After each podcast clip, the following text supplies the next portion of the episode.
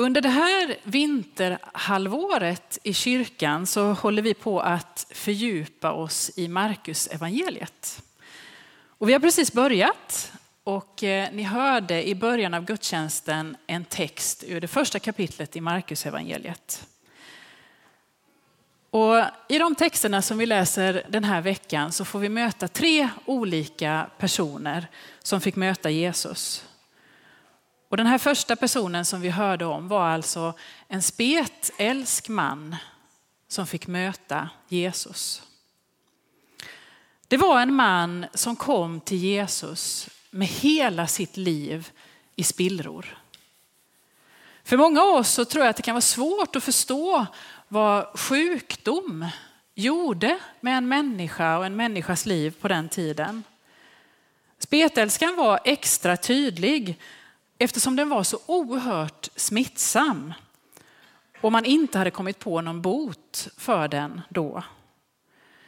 Det är en sjukdom som bland annat gör att man, man förlorar känseln ytterst i kroppsdelarna längst ut, fingertopparna, nästippen, tårna.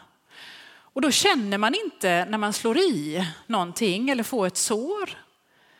Vilket gör att man kanske inte tar hand om såret. Och kroppen kan inte ta hand om såret i sig självt och det gör att, att de kroppsdelarna så småningom ruttnar eller förmultnar och kanske till slut faller av.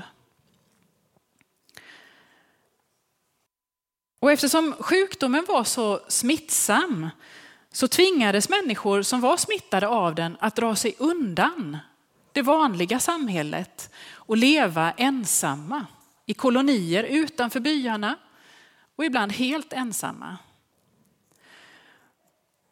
Ingen kunde eller ville ha med en smittad person att göra.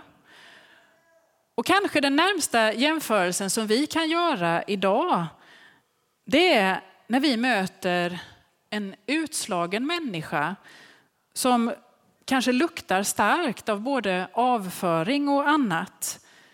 En sån avsky och att man drog sig undan så starkt, så tror jag att det var att leva som en spetälsk på den tiden.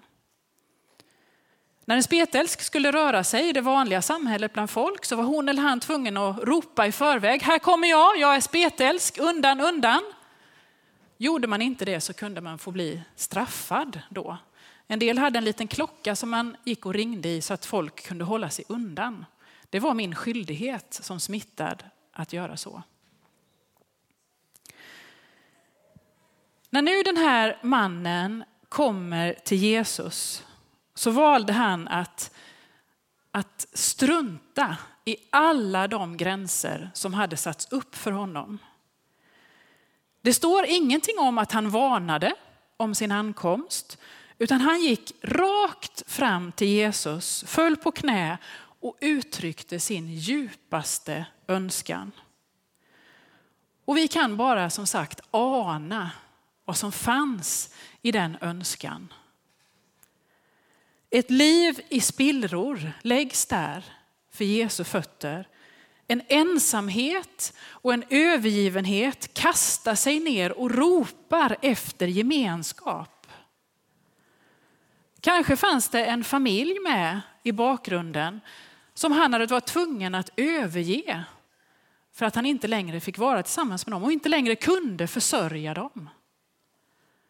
Mannen satsar allt och överträder höga gränser för att få kunna be om hjälp i det som han behöver. Tänk om han kommer bli avvisad igen. Tänk om det inte finns någon hjälp att få en gång till. Och den känslan måste ju sitta någonstans i kroppen på mannen, rädslan att inte kunna få bli hjälpt. Det står i texten att Jesus greps av vrede. Det är en lite, lite svårt ord i grundtexten som används där och det kan översättas på olika sätt.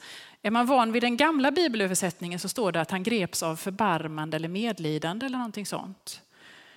Och den här, det här ordet som används på grekiskan, det har med känslor som rör upp hela inälvorna. Alltså Jesus rörs i sitt innersta när han ser den här mannen. Och kanske inte vrede är det närmaste liggande ordet egentligen. När Guds son ser en människa i den här situationen så blir han berörd på djupet, inte bara lite sådär, ja det är synd om dig, utan det känns i hela hans kropp. Och därför så struntar också Jesus i alla regler och rekommendationer. Han sträcker ut sin hand och gjorde det absolut förbjudna. Han tog på mannen och genast försvann sjukdomen. Och den här enkla ordväxlingen utan krusiduller och rakt på sak Kanske det är så när man bär på den största nöden i sitt liv. Det finns liksom inga ord att brodera ut det med, utan det är rakt. Vill du så kan du. Jag vill.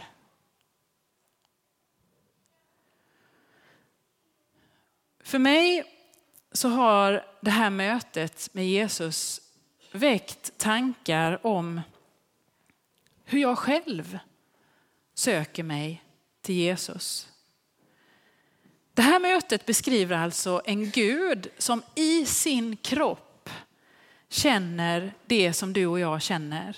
Som blir berörd av det livet som du och jag lever. En Gud som struntar i vad jag bär för skräp på mig eller i mig och som omedelbart säger, jag vill och sträcker ut sin hand för att röra vid oss. Som inte låter sig hindras av allt det som alla andra låter sig hindras av. En sån Gud, en sån Gud behöver jag. En sån beröring längtar jag efter och jag tror också bävar jag för. För tänk, tänk om jag inte blir berörd. Vem skulle jag då vara? Och om jag fick bli berörd, vem skulle jag då bli?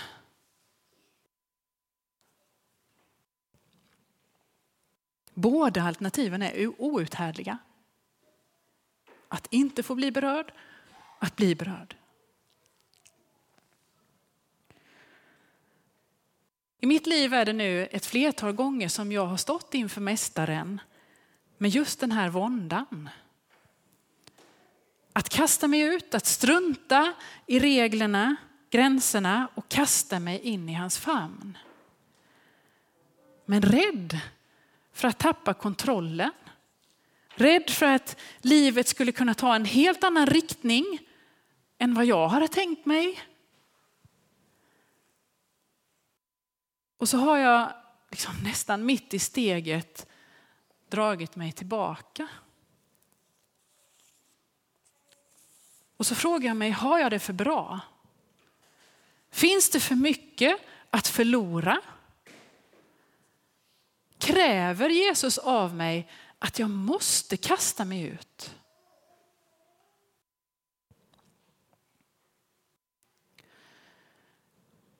Min erfarenhet har blivit att Jesus kallar på var och en som de vi är.